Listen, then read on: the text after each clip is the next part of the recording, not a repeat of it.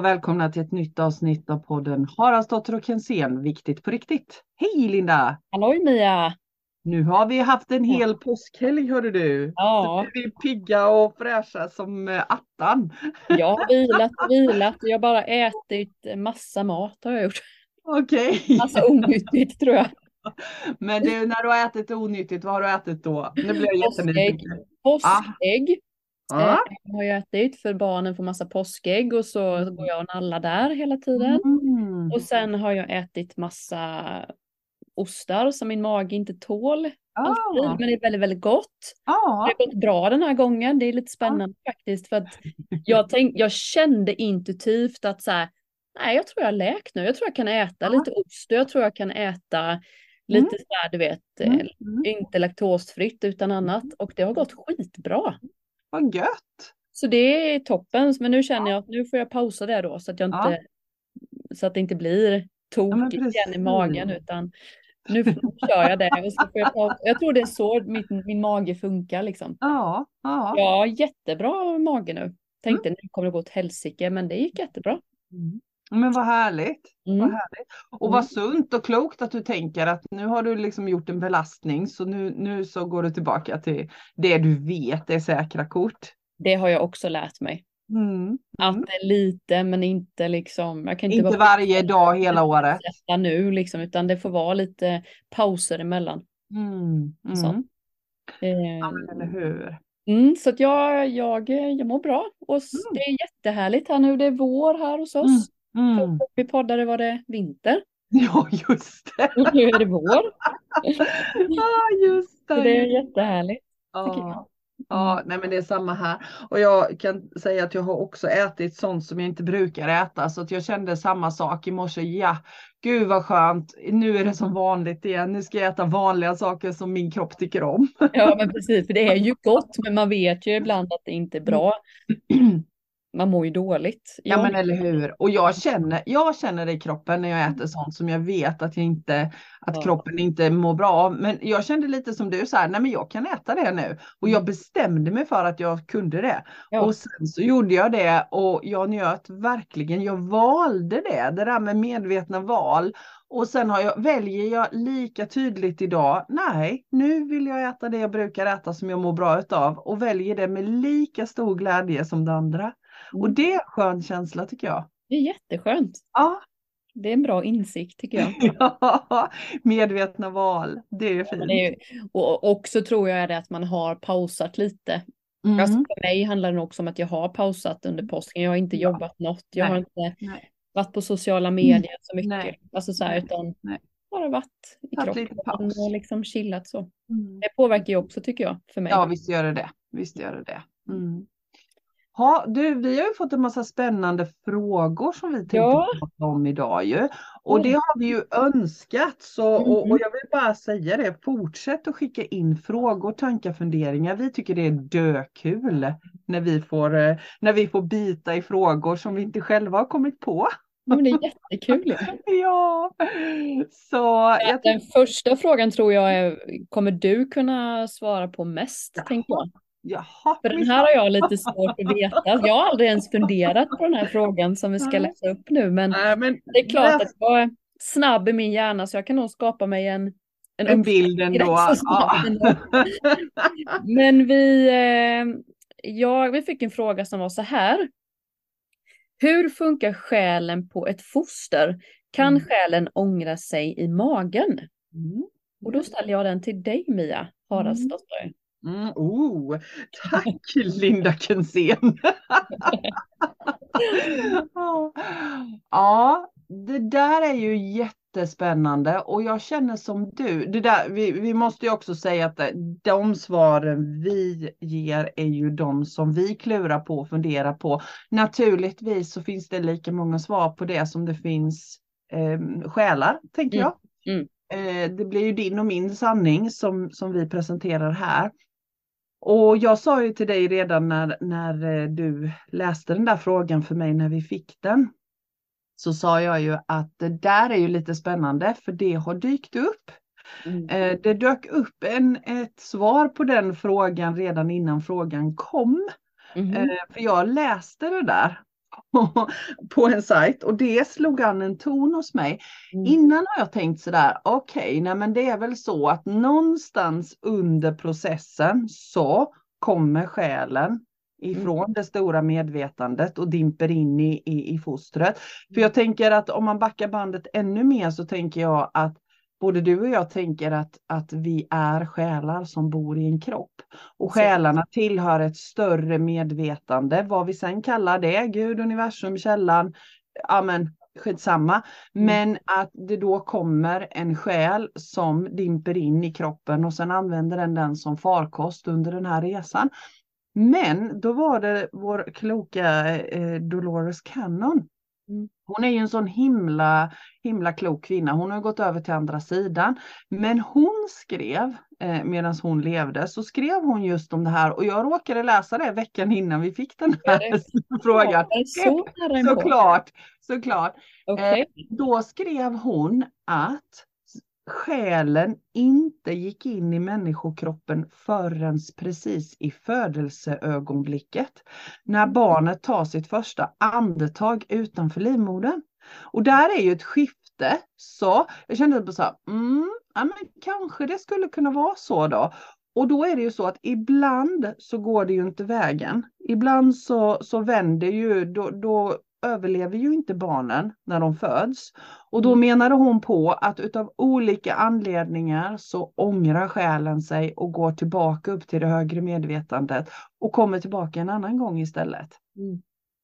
Och Jag det här ordet blir ju andetag. Yes! Så det känns ja. ju rimligt. Ja, så, så någonstans, så det där slog an en ton hos mig och jag har inte riktigt smakat klart på det. Men Nej. jag tänker att Mm, why not? Det kanske är så att så länge bebisen är i magen så på något vis så är den en del av mammas själ och sen så är det så att den här själen som skulle komma, skrev hon också, den cirkulerar lite utanför. Det här medvetandet cirkulerar lite utanför, kolla in läget. Och sen så utav olika anledningar så antingen bestämmer den sig för att gå in i, i, i barnets kropp precis i födelseögonblicket eller inte. Men det jag tänker att hon undrar också är ju ett foster liksom. Vad mm. tänker hon då? Mm. Och alltså, det är ju frågan. Fall liksom i vecka mm. 25, mm. vecka 30, mm. vecka. Mm. Och, och oavsett tänker jag, för det här, det här är ju liksom, jag tänker så här, oavsett. Får jag ett missfall får jag ett barn som inte klarar hela graviditeten. Alltså som människa så tänker jag så här, ja oh, men gud det är en sån bottenlös sorg naturligtvis. För det är det ju oavsett vem jag mister i mitt liv. Så som människa, människodelen av Mia blir ju jätteledsen. Jag mm. sörjer, jag blir skitledsen. Men om jag tittar ur ett högre perspektiv så tänker jag ju varje gång någon går över, varje gång någon dör, oavsett om det är ett foster i magen eller det är min gamla faster, så tänker jag att det är, finns en mening och att den som går över gör det när den ska. Mm. Och jag tänker att det som är så plågsamt med, med när barn dör eller när bebisar dör i magen är ju att det för oss så tänker vi ju att det är precis i början av livet. Att det är precis, det är helt fel därför att då bebisar och barn ska överleva. Man dör när man är gammal. Livet ser ju inte ut så riktigt och ibland så förstår vi inte riktigt den planen. Mm. Men, men jag vill verkligen, verkligen betona att människodelen av mig blir ledsen. Mm. Det är mm. inte så att ja, ja, det var meningen så nu går vi vidare. Det är inte så jag känner som människa. Mm. Men om jag tittar ur ett själsligt perspektiv så, så vill jag bara säga att jag tänker att vi går över när vi ska. Och kommer det då ett, ett foster i magen som det blir ett missfall utav, då tänker jag att oavsett, oavsett vad vi tänker, om det finns en själ i det eller inte, så var den här och vände utav en anledning. Mm. Jag vet vad, inte. Tänker du, vad tänker du liksom då? Tänker du som hon att, att man har en själ? Nej, nej, nej. nej. Jag, tänker inte, jag tänker inte så. Jag tilltalas mm. mer och mer av tanken som Dolores har, att själen på något vis inte kommer in förrän på sluttampen. Du och kanske, Ja, Ja. det, det, just nu, just idag så, så gör jag det för att det slår an en ton hos mig. Det Mm. verkar mest logiskt för mig att anden kommer i andetaget liksom. Mm. Ja, det är, ju, det är ju logiskt så. Däremot Mm. har jag ju Men vad tänker du? Nej, men jag såg ju någon dokumentär för länge sedan där man har verkligen kunnat gå in Mm. jätte, jätte, tittat på vad som händer när spermier och eh, när man kommer liksom i ägget, när Mm. det liksom Mm. går igenom och då kan man ju se att det blir som en blixt. Mm. Ding, att det säger någonting och det har de ju kunnat liksom se med ögat nu när de har kunnat gå in så litet i. Mm. Och då började jag tänka så här, är det där, då, är det då det skapas ett Mm. liv? Mm. Ja. Och vad är liv då? Är det, mm, är det själen eller inte? Det vet inte jag. Men Nej.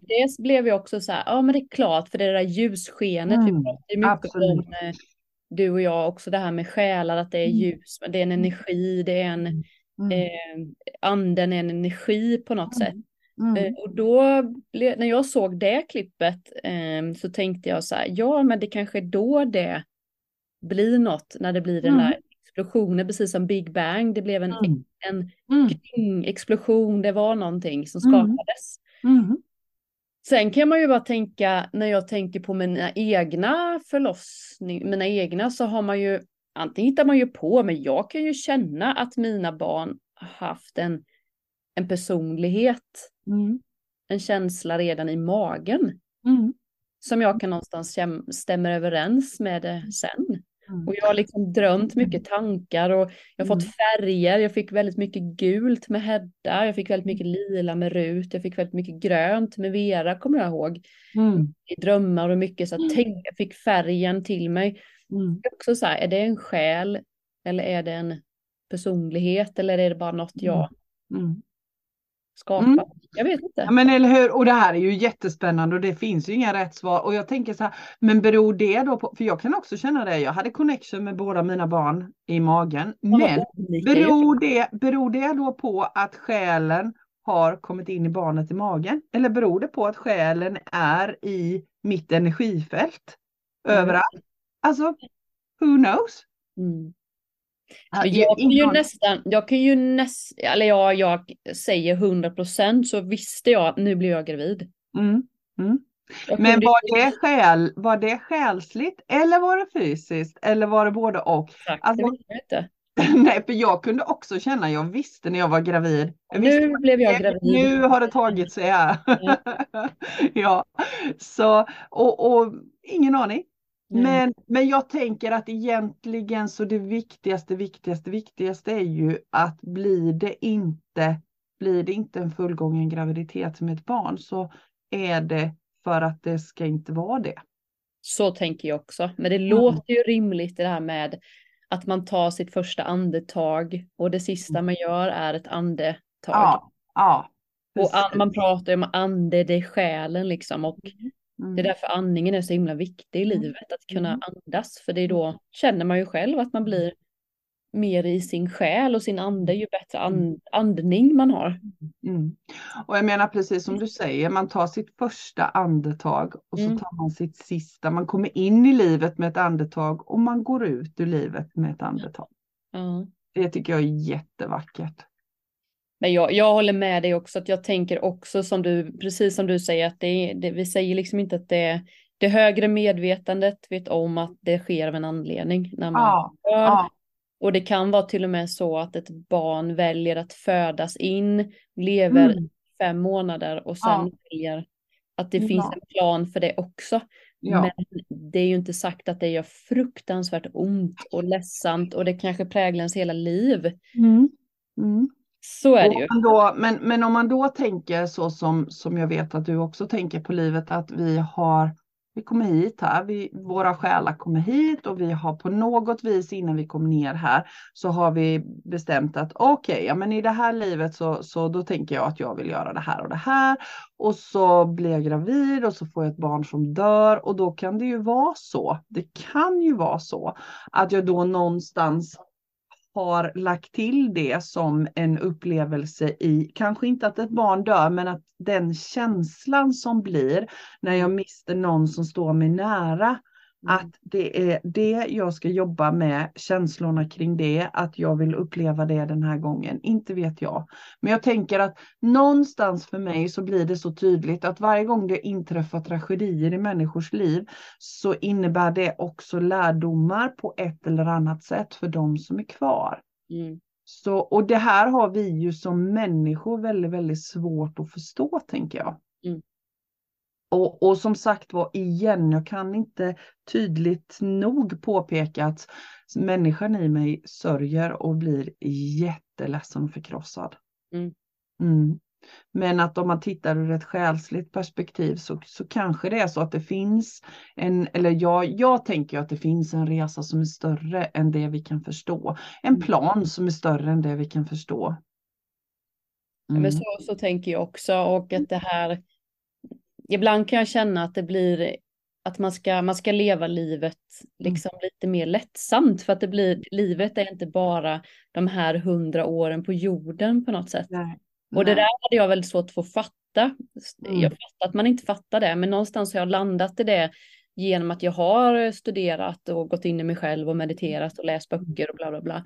Så tycker jag ändå att jag har landat i att det finns något. Det här är liksom inte slut. Nej. Bara att jag dör nu så är det inte slut och sen är det fortfarande jo- jobbiga känslor. Mm.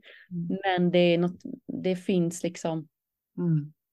det är Och- bara en- en del av någonting annat. Jag kan inte säga Ja, vad det är. men och jag, jag tänker ju liksom, jag, jag lever ju hela mitt liv med att man inte dör. Alltså jag, jag tänker, man kan inte dö, vi bara fortsätter. Livet fortsätter i en annan medvetandeform. Och Mm. då blir det ju en helt annan grej det där när människor dör. Vi Mm. fortsätter i en annan medvetandeform. Vi Mm. kan inte dö. Jag tänker som det där gamla sommarlovsprogrammet, inget försvinner liksom. Det, det är verkligen så, inget försvinner. Vi Mm. dör inte, men vi fortsätter i en annan medvetandeform. Mm. Mm. Det, där, det låter så konstigt, men jag tänkte på det häromdagen att jag eh, dödade en eh, spindel. Mm. Och så tänkte jag så här bara, och det var inte, ja men du vet den var så här, den kom och så bara råkade jag slå till och så bara, nej det var ju en spindel, lite så. Så Åh. tänkte jag ändå så här, gud vad lätt vi, vi kan ta andras liv. Ah. Eh, och så bara tänkte jag så här, ska jag, ska jag lägga den i soptunnan, ska jag gå ut eller? Du vet, Det blev så stort för mig för det, det kändes så här, just att när vi människor dör så blir det ett jättemoment. Ja, precis. Ja men liksom, och katterna kommer hem med fåglar och de kommer hem med möss och det, Mm. det dör liksom hit och ditan men så här, människornas död blir så jätte, förstår du vad jag menar? Det blir Ja, så jag förstår. Det blir så stort. det, och det är det man är mest rädd för, det är ju att ens nära ska dö. Mm. Alltså sina barn, sina föräldrar, sina bästa vänner, alltså alla, det är ju det många går runt med tror jag. Men, dö. men, men tänker inte du också, för jag menar det är skillnad på, på oss här i västerländer, västerländerna. Jag Alltså vi har ju ingen tradition på det här. Vi pratar ju inte ens om döden ju. Jag menar vi gjorde ju ett poddprogram för, för ganska länge sedan om döden. Men Mm. annars vi pratar ju inte, rent generellt sett så pratar vi inte om döden. Det är ju skittabu. Mm. Så vi, jag menar titta på, på andra traditioner i världen. Där är döden mer en naturlig del av livet. Mm. För det Men- tänkte jag också på när jag satt och förnulade då när, på den här spindelgrejen. Så tänkte jag, Mm. tänk de här som hade förr mormor och de så här, min mormor, eh, tänker att de har åtta syskon och två dog.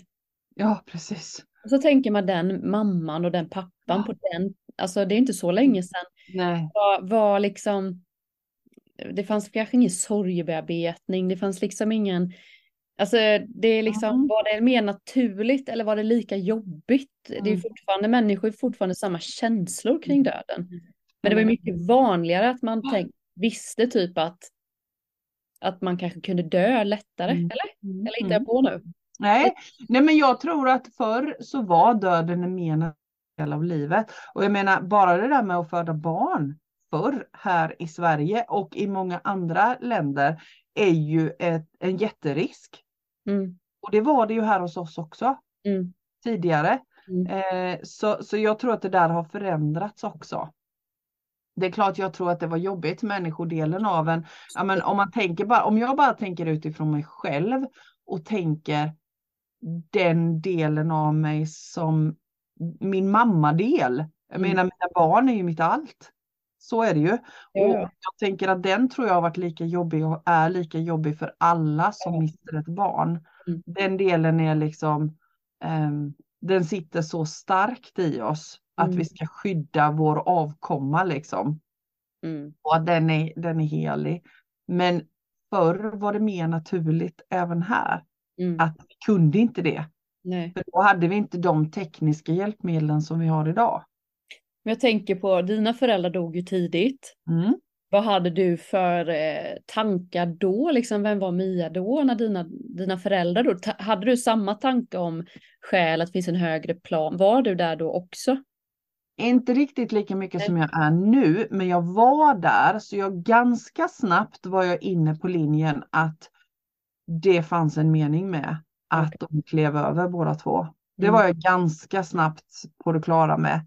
Och då var jag, jag var ju 29 när, när pappa dog och 32 när mamma dog. Hur visste du det då, tänker du? Du bara visste det eller har Jag du... bara visste det. Det visste. tillhör de där sakerna som jag bara visste. Mm. Sen var jag ju fruktansvärt ledsen och tyckte det var skitjobbigt. Människan i mig tyckte det var skitjobbigt. Men någonstans så fattade jag ju ganska tidigt att nej men vänta lite här nu.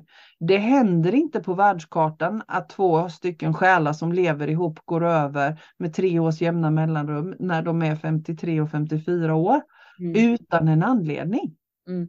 Ja, Mm. så, så den kom jättetidigt gjorde den. Mm. Och jag, som sagt jag bara visste. Sen har jag ju vidareutvecklat den delen av mig själv ganska mycket på de, gud nu måste jag säga 25 år. Det låter jättelänge. Det har hållit länge.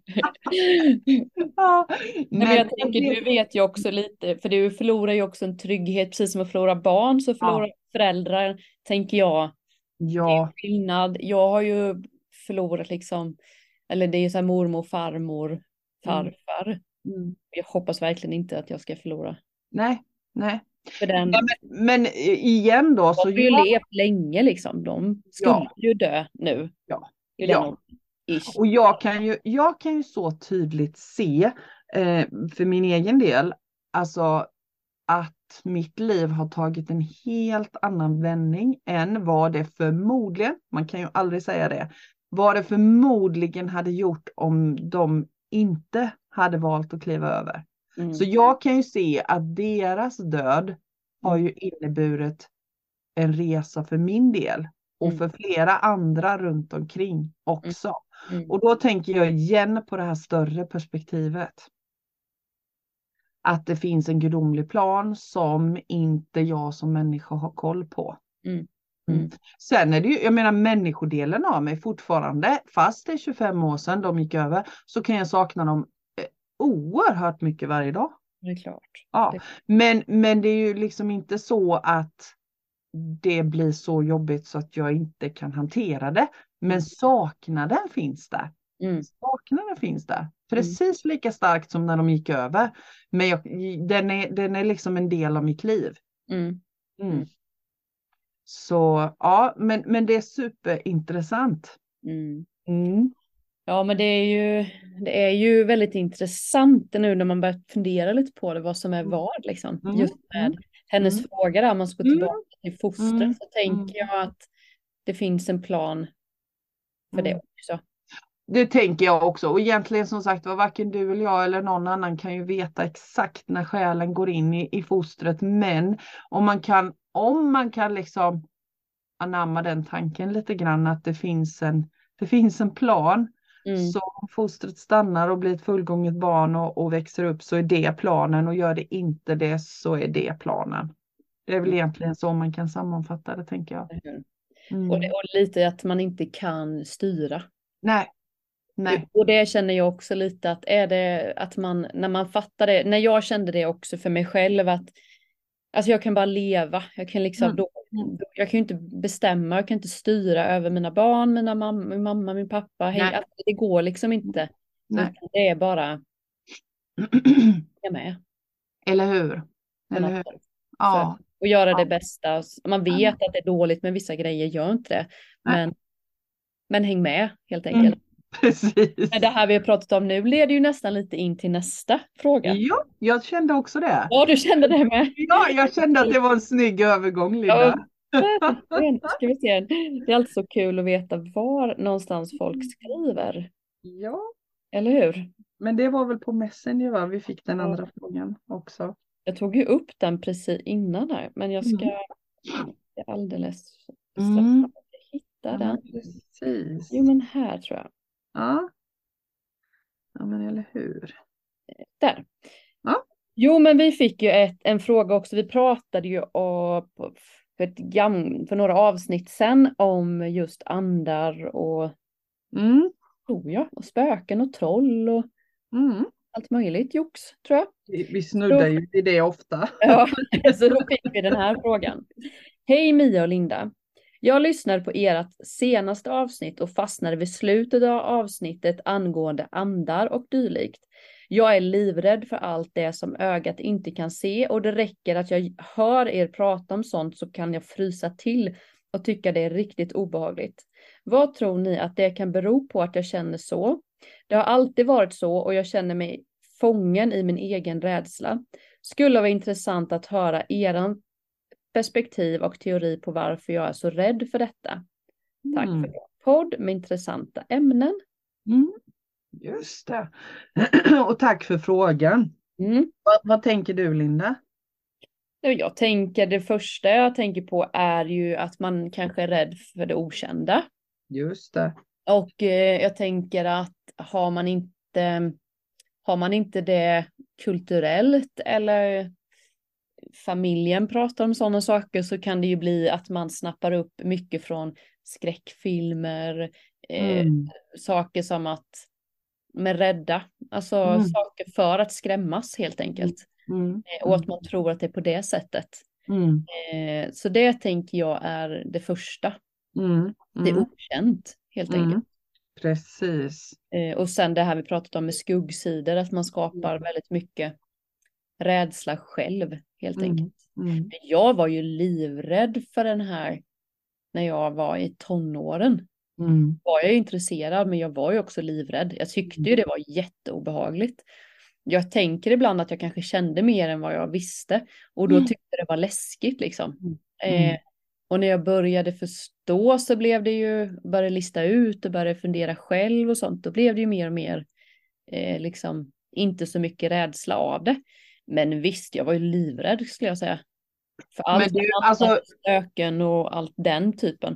Då Skiträdd. blir jag jättenyfiken. Vad var det som gjorde att du ändå, fast du var så himla rädd, började fundera, lista ut, ändå liksom grotta in dig i detta? Vad, vad, vad var drivkraften i det?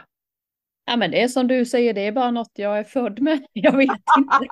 Jag tänker också att min familj har ju aldrig liksom pratat om sådana här, alltså visst att vi har pratat om, alltså min, vi har ju alltid tittat på sådana här dokumentärer om eh, astrologi och om him- Mm. stjärnhimlen och så. Det är ju både mamma och pappa väldigt intresserade av Mm. också. Mm. Men jag ska inte säga att vi liksom pratar om andar och spöken och att de skrämde upp mig heller. Det, det tror jag inte. Sen Nej. var det ju att där i tonåren man började kolla på skräckfilmer och så skapade man en rädsla. Jag gick ju också som jag sagt, tror jag sagt innan, på ett kristet dagis. Mm, och det var ju mest bara för att det var nära och bra. Mm. Så det var ingenting mina föräldrar heller pratar om hemma. Så jag Mm. fick ju höra liksom att eh, Gud talar igenom oss. Det Mm. gjorde att jag blev livrädd. Jag trodde jag skulle få en röst.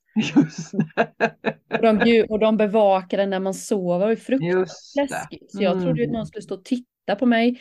De sa att änglarna är lika stor som ett våningshus. Och jag, och jag bara, "Ah, jag vill inte se en ängel i.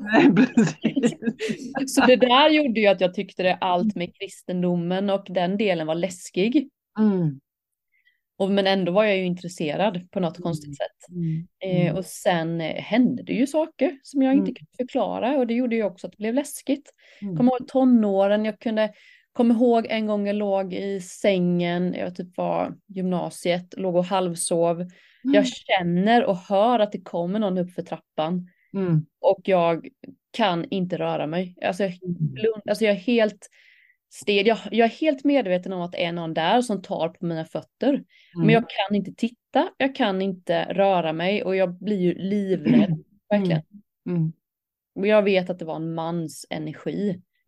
Mm. Jag kommer inte ihåg så mycket mer men att jag fick ju panik. Mm. Har, du någon, har du någon känsla idag för vem det här skulle kunna vara? Ja men jag har ju snappat upp lite och det är ju någon vaktmästarenergi som går runt där bland Mm. rågången liksom. Mellan Mm. mamma och deras hus. Just det. får ju lite att det är någon, det var lite han. För jag har ju känt det och mamma har ju också känt eh, i trappan och sådär och tvn slås på ibland utan. Mm. Så det finns något som inte tillhör vår familj utan någon Mm. där. Som kollar läget lite. Idag hade jag ju bara, gud vad kul, vad spännande, vad vill Ja. du? Men du, Mm. och jag ställt frågor så här, men då blev jag ju bara uh, stel av skräck. verkligen. Mm. Just det. Och sen, eh, sen började jag ju, ja men sen blev det att jag träffade människor som i min väg som liksom höll på med healing och så fick, fick jag testa och så fick jag ge healing och så funkade det bra. Och Mm. då hoppade det, det hände det ju också massa konstiga grejer. Det hoppade Mm. ut stenar och det trillade ner blomkukor och Mm. du vet, det blev jag också Mm. rädd. Eller jag Mm. blev rädd då. Mm. Mm. Och sen har det ju med tiden blivit mer och mer som, vad är detta? Finns det på riktigt? Mm. Och så. Så, så det jag hör är ju att din nyfikenhet har tagit överhanden och du har tagit reda på vad är det här egentligen. Så då har du ju vågat utmana känslan rädsla. Ja, inte medvetet, men absolut ja. Mm. Nu Mm. efteråt har jag ju det, men, men just då och där så tänkte jag nog inte så här, nu ska jag medvetet, utan det var mest att jag alltid, sen jag var liten, har jag alltid tänkt att det måste finnas något mer och jag har alltid drömt om stjärnhimmel, jag har alltid varit intresserad. Jag ville ju bli arkeolog när jag var liten, det var ju mitt drömjobb. Och jag Mm. menar, det är ju det här sökandet. Så, Precis. att, eh, så det har jag ju i mig naturligt liksom. Mm. Men Mm. idag är jag ju inte rädd för det. Men det är ju för att jag också vet vad som är min Mm. energi och Mm. andras energier och att det är jag som bestämmer. Och det har jag ju lärt mig lite av dig ju på din Mm. kurs. När jag Mm. hamnade hos dig Mm. så blev ju det också så här, jaha, men det var inte så läskigt. Jag kommer, jag kommer ihåg första gången du sa, du berättade att vi skulle länka till andevärlden. Och jag tyckte det var så, och bara, åh nej nästa onsdag ska vi göra det. Och jag var så rädd. Jag tyckte det var så läskigt. För det gick ju rätt snabbt för mig. Jag kände ju det när jag kom på din kurs att men det här var ju lätt för mig. Det var ju ett, det gick ju smidigt. Det var inte så att jag var osäker utan jag bara satte ju saker så här. Det gick ju jättesmidigt. Mm. Så tänkte jag så här, åh nej nu ska vi kontakta andevärlden. Hur ska det bli? Ska det stå någon och titta på mig? Vad, alltså du vet man hade ju massa konstiga jag vill Mm. inte se något, så kommer jag ihåg att jag sa, jag vill inte se något, jag vill inte se något. Och sen vet jag när vi gjorde den här länkningen då, och du eh, berättade hur man skulle göra, och så gjorde jag det, och så bara, va? Det här känner jag ju varje dag. Alltså det var ju inget konstigt. Jag trodde det skulle vara sån här hallelujah moment, så här, wow! Så jag bara? Och änglarna ska komma som våningshus. gud, jag blev nästan lite besviken. Jag bara så här, nej men det här går jag ju, det här känner jag ju varje dag, det är inget konstigt. Så det gjorde ju också att det blev lugnt för mig, att det var inte läskigt så. Nej, nej. Så tänker jag. Ja. Nej men och jag tänker min resa har ju varit lite likadan. Jag, jag har ju alltid också bara vetat och känt en massa. Och jag hade ju det när jag var liten så, så kom ju andevärlden och stod runt min säng när jag skulle sova. Ja. Så, så de var ju och pillade mig på fötterna för att jag tror ju också att det är så att alla har den här möjligheten. Alla är mediala, men en del har det, ligger det lite närmare till. Och jag tror att både du och jag, eftersom vi har valt den banan vi har gjort så, så har det alltid legat lite nära. Och jag menar då ligger jag där i sängen som liten flicka och är som en liten blinkfyr för, för dem från andra sidan. Och, och de kommer och vill prata och vill förmedla sig och, och pockar på uppmärksamhet och pillar mig på fötterna. Och jag tycker det var skitläskigt. Och jag drömde jättemycket mardrömmar. Och jag var jättemörkrädd för jag ville ju inte sova för det här var ju döläskigt.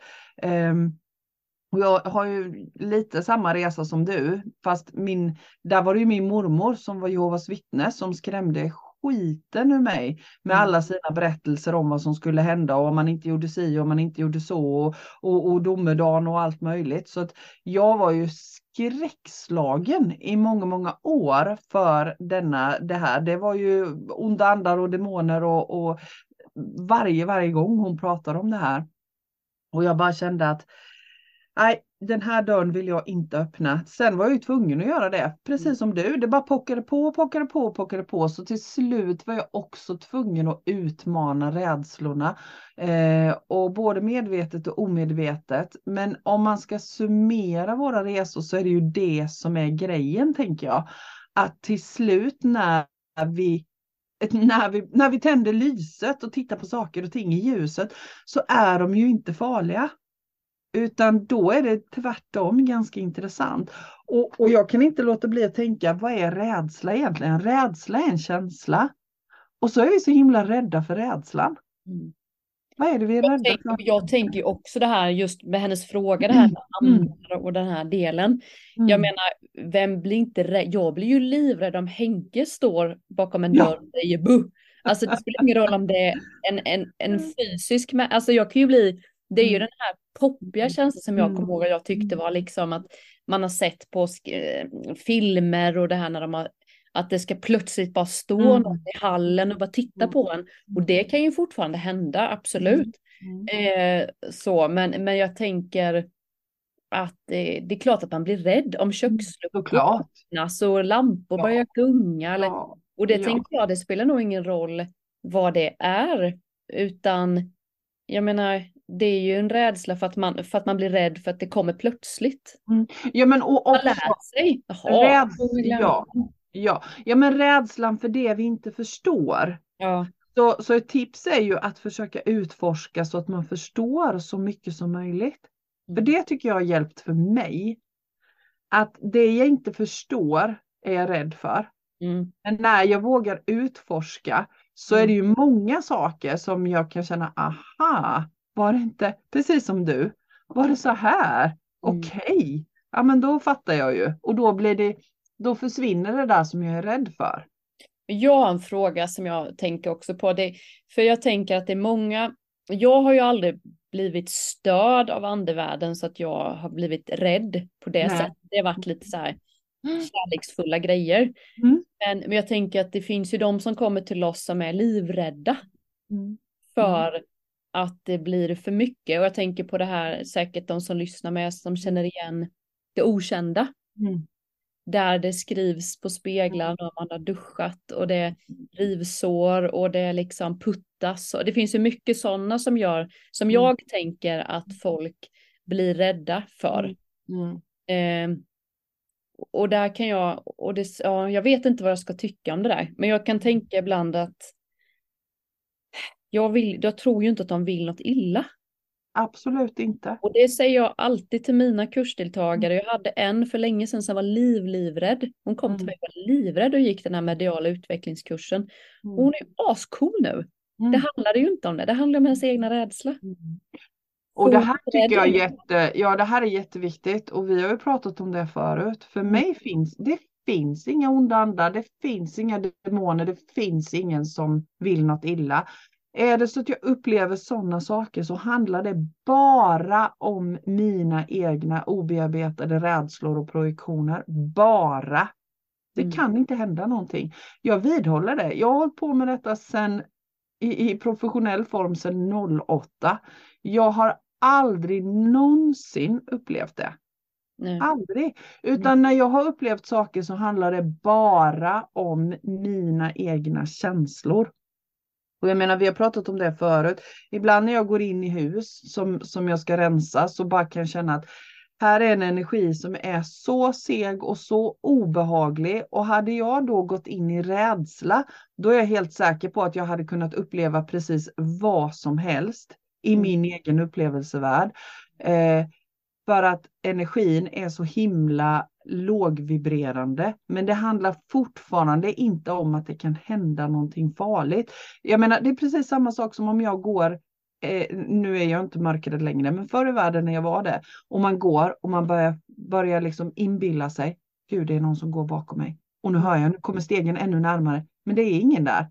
Och, och det handlar bara om att mina rädslor skenar. För mig är det exakt samma sak i detta. Jag kommer ju ihåg när vi hade den här husrensningen du och jag, när du mm.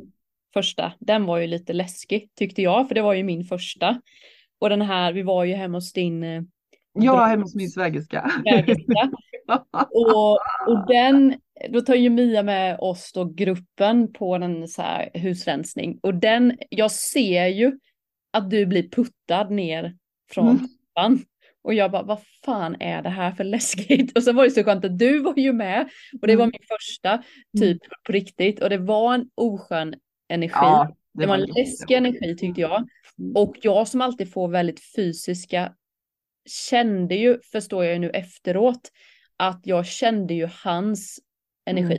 Mm. Mm. Idag skulle jag kunna gå dit utan problem för att jag har varit ja, uppe och mm. bestämma mig sig, det där är inte mitt, det är hans. Mm. Men då gick jag in i det så mycket så jag blev ju rädd på riktigt. Jag kommer mm. ihåg vi stod i cirkeln och vi skulle släppa in innan ljuset och jag var ju snurrade och jag mådde illa och jag kunde inte andas och jag kunde liksom Nej, jag bara så nej, jag skiter i det, jag släpper nu, nu går jag. Det här vill inte jag vara med om. Mm. Men jag var ju kvar för att ni peppade mig och sånt. Mm. Men jag fattar ju då att man kanske blir livrädd om man mm. inte hade haft en grupp som bestämt sa att, för sen när han gick över så blev jag ju mig själv igen och då kändes det ju inte.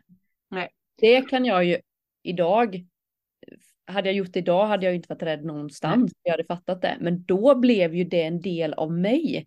Mm. Och det där tänker jag med hon som skriver sånt också, att hon har lätt för att känna in energier, så det är lätt att gå in i och tro att ens egna energier. Tror du inte det?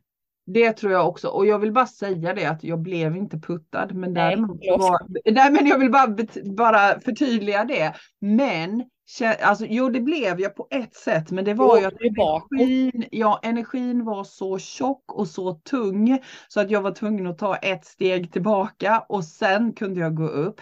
Eh, mm. Så, men, men då tänker jag så här, om jag inte hade jobbat med detta, om jag inte hade varit där jag var, så hade jag lätt gått ut och sagt att nu har jag blivit puttad i trappan. Ja. Och då tänker jag på alla de här som upplever att de blir puttade. Jag blev inte puttad men energin var så tjock så jag kunde inte gå. Nej. Och det, det handlar ju bara, hade jag gått in i rädsla där så hade jag aldrig mer gått upp för den trappan. Men det sjuka med den trappan är ju också då att det var ju flera som hade redan gått upp. Ju. Mm. Mm. Och sen så gick ju du och mm. du bara backade då och då mm. tänkte oj mm. vad händer nu? Sen när jag går upp, jag känner inte samma sak som du. Nej, nej. Nej. Och det är också det som är spännande för att jag tänkte vad fan hände? Och jag tyckte så gud vad kul. tyckte jag. Var spännande att jag fick uppleva det här. Men jag såg ju i mina ögon att du föll bakåt ju. Ja, ja. Ja men eller hur. Och jag tänker också så här, det ligger bara hos oss själva. Det mm. ligger bara, bara, bara, bara. Och jag hade ju kopplat på så att jag hade ju öppnat upp för att jag skulle känna allt jag kände. Och det är det och jag, jag menar att de andra hade ju inte den. De, det var ju tre innan dig och de mm. upplevde inte det och sen Nej. kommer du, du upplever yes. och sen kommer jag och jag känner inte det heller. Nej. Nej. Och, och då tänker jag precis som du sa, jag menar knyta tillbaka till den här frågan vi fick, att förmodligen så är min gissning också att det här är en tjej som är väldigt öppen.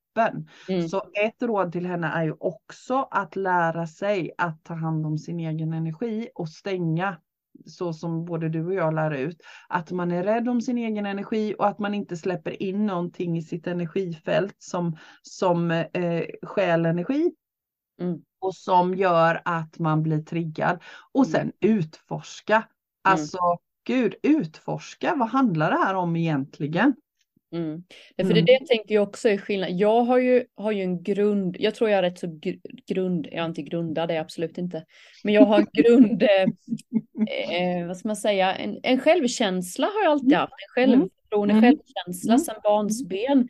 Eh, och jag tänker att jag har ju fått öva upp mm. att öppna upp mig.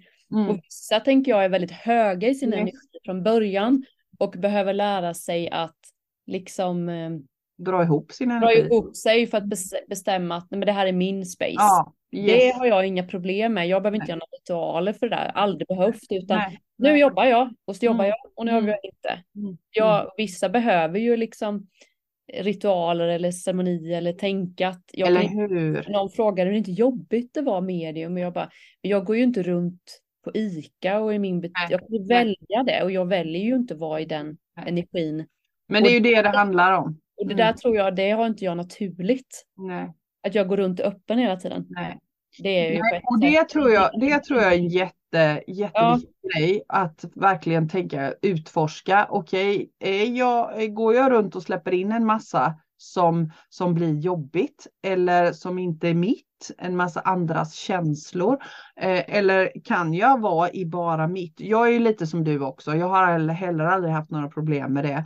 Men jag vill också betona i detta, för, för en del pratar ju om att man måste skydda sig och då blir jag så här bara, nej, du behöver inte skydda dig, det är inte det det handlar om. Men du behöver ha koll på din energi.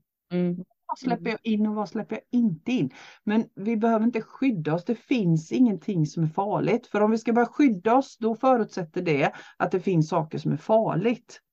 Och Jag jag kommer säga, nej men precis, och på tal om farligt, jag, kommer, jag tycker, ja jag känner att människor jag har mött som har mött det här lite då onda andar, demoner, det mörka, vi kallar det det. Mm.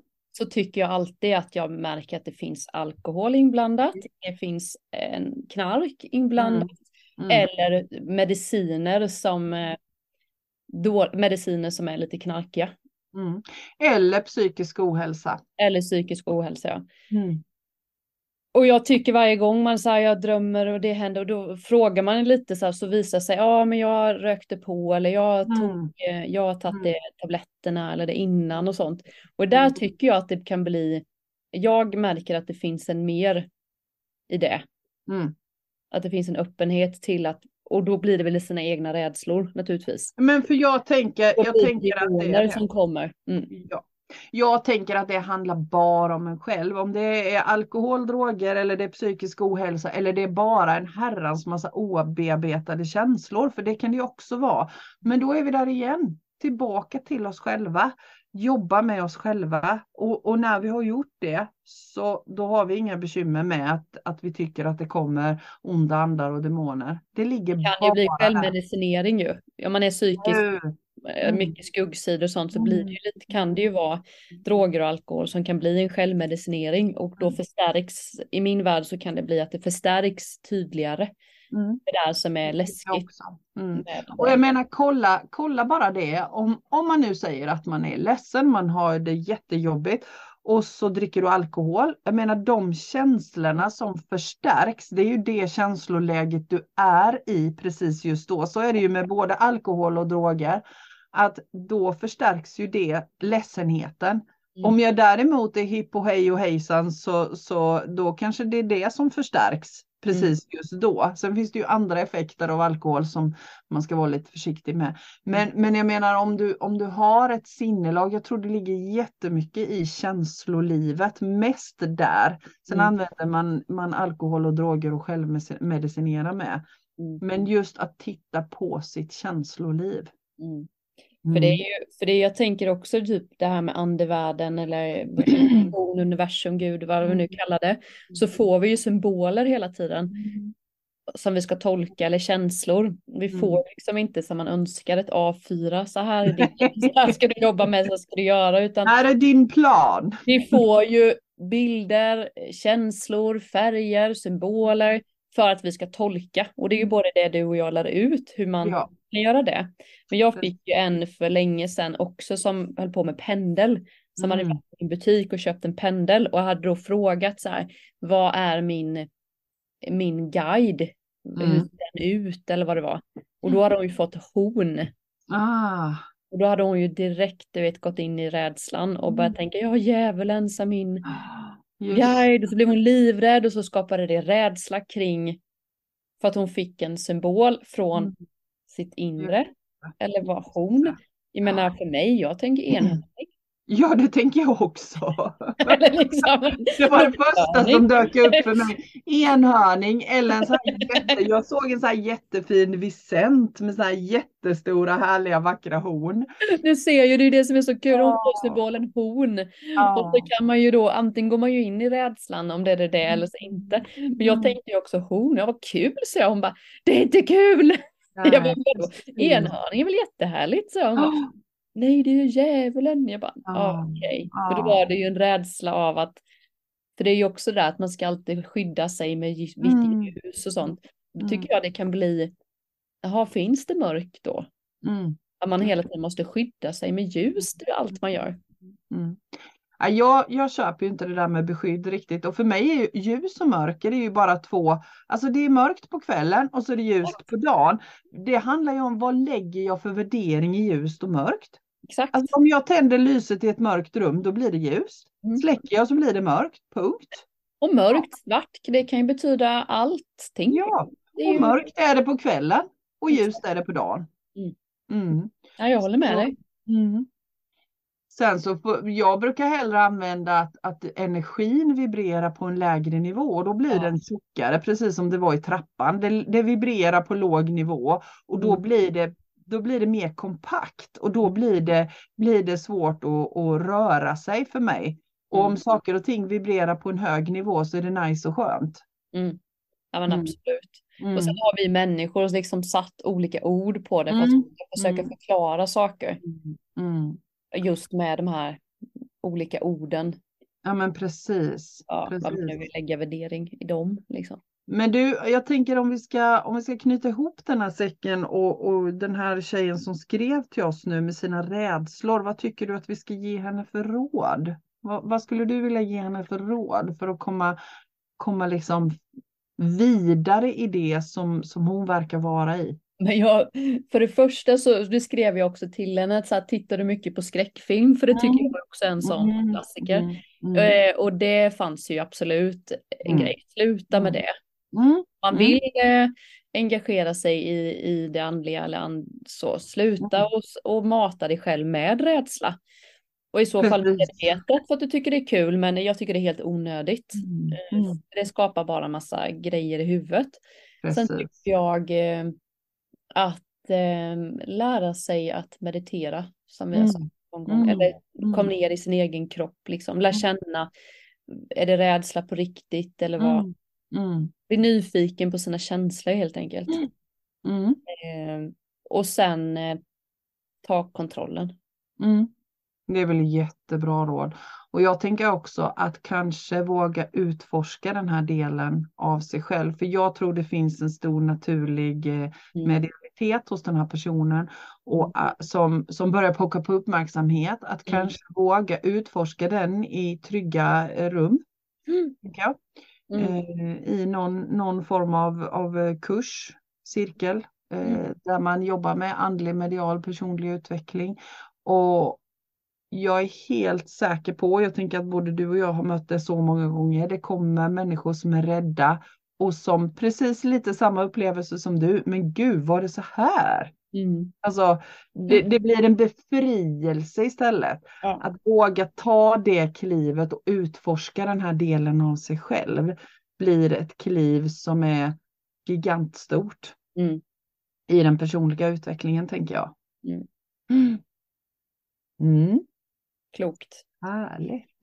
Det här var kul. Jag bara känna att man skulle kunna prata en timme till. Det är Ja, jättespännande. precis. Ja, det är fantastiskt att ni skriver frågor till oss och som sagt var, vi Mm. vill jättegärna ha fler frågor, tankar, funderingar från Mm. er Mm. som lyssnar på oss. Det Mm, uppskattar vi. Och dela gärna podden vidare till nära och kära. Det är kul Yes. när man får växa, tycker vi. Precis, precis. Härligt, tack för idag Linda. Ja men tack själv. Mm. Och tack till alla er som lyssnade. Mm. Och ha en fantastisk vårvecka. Ja, det ska vi. Absolut. Hej! Hej!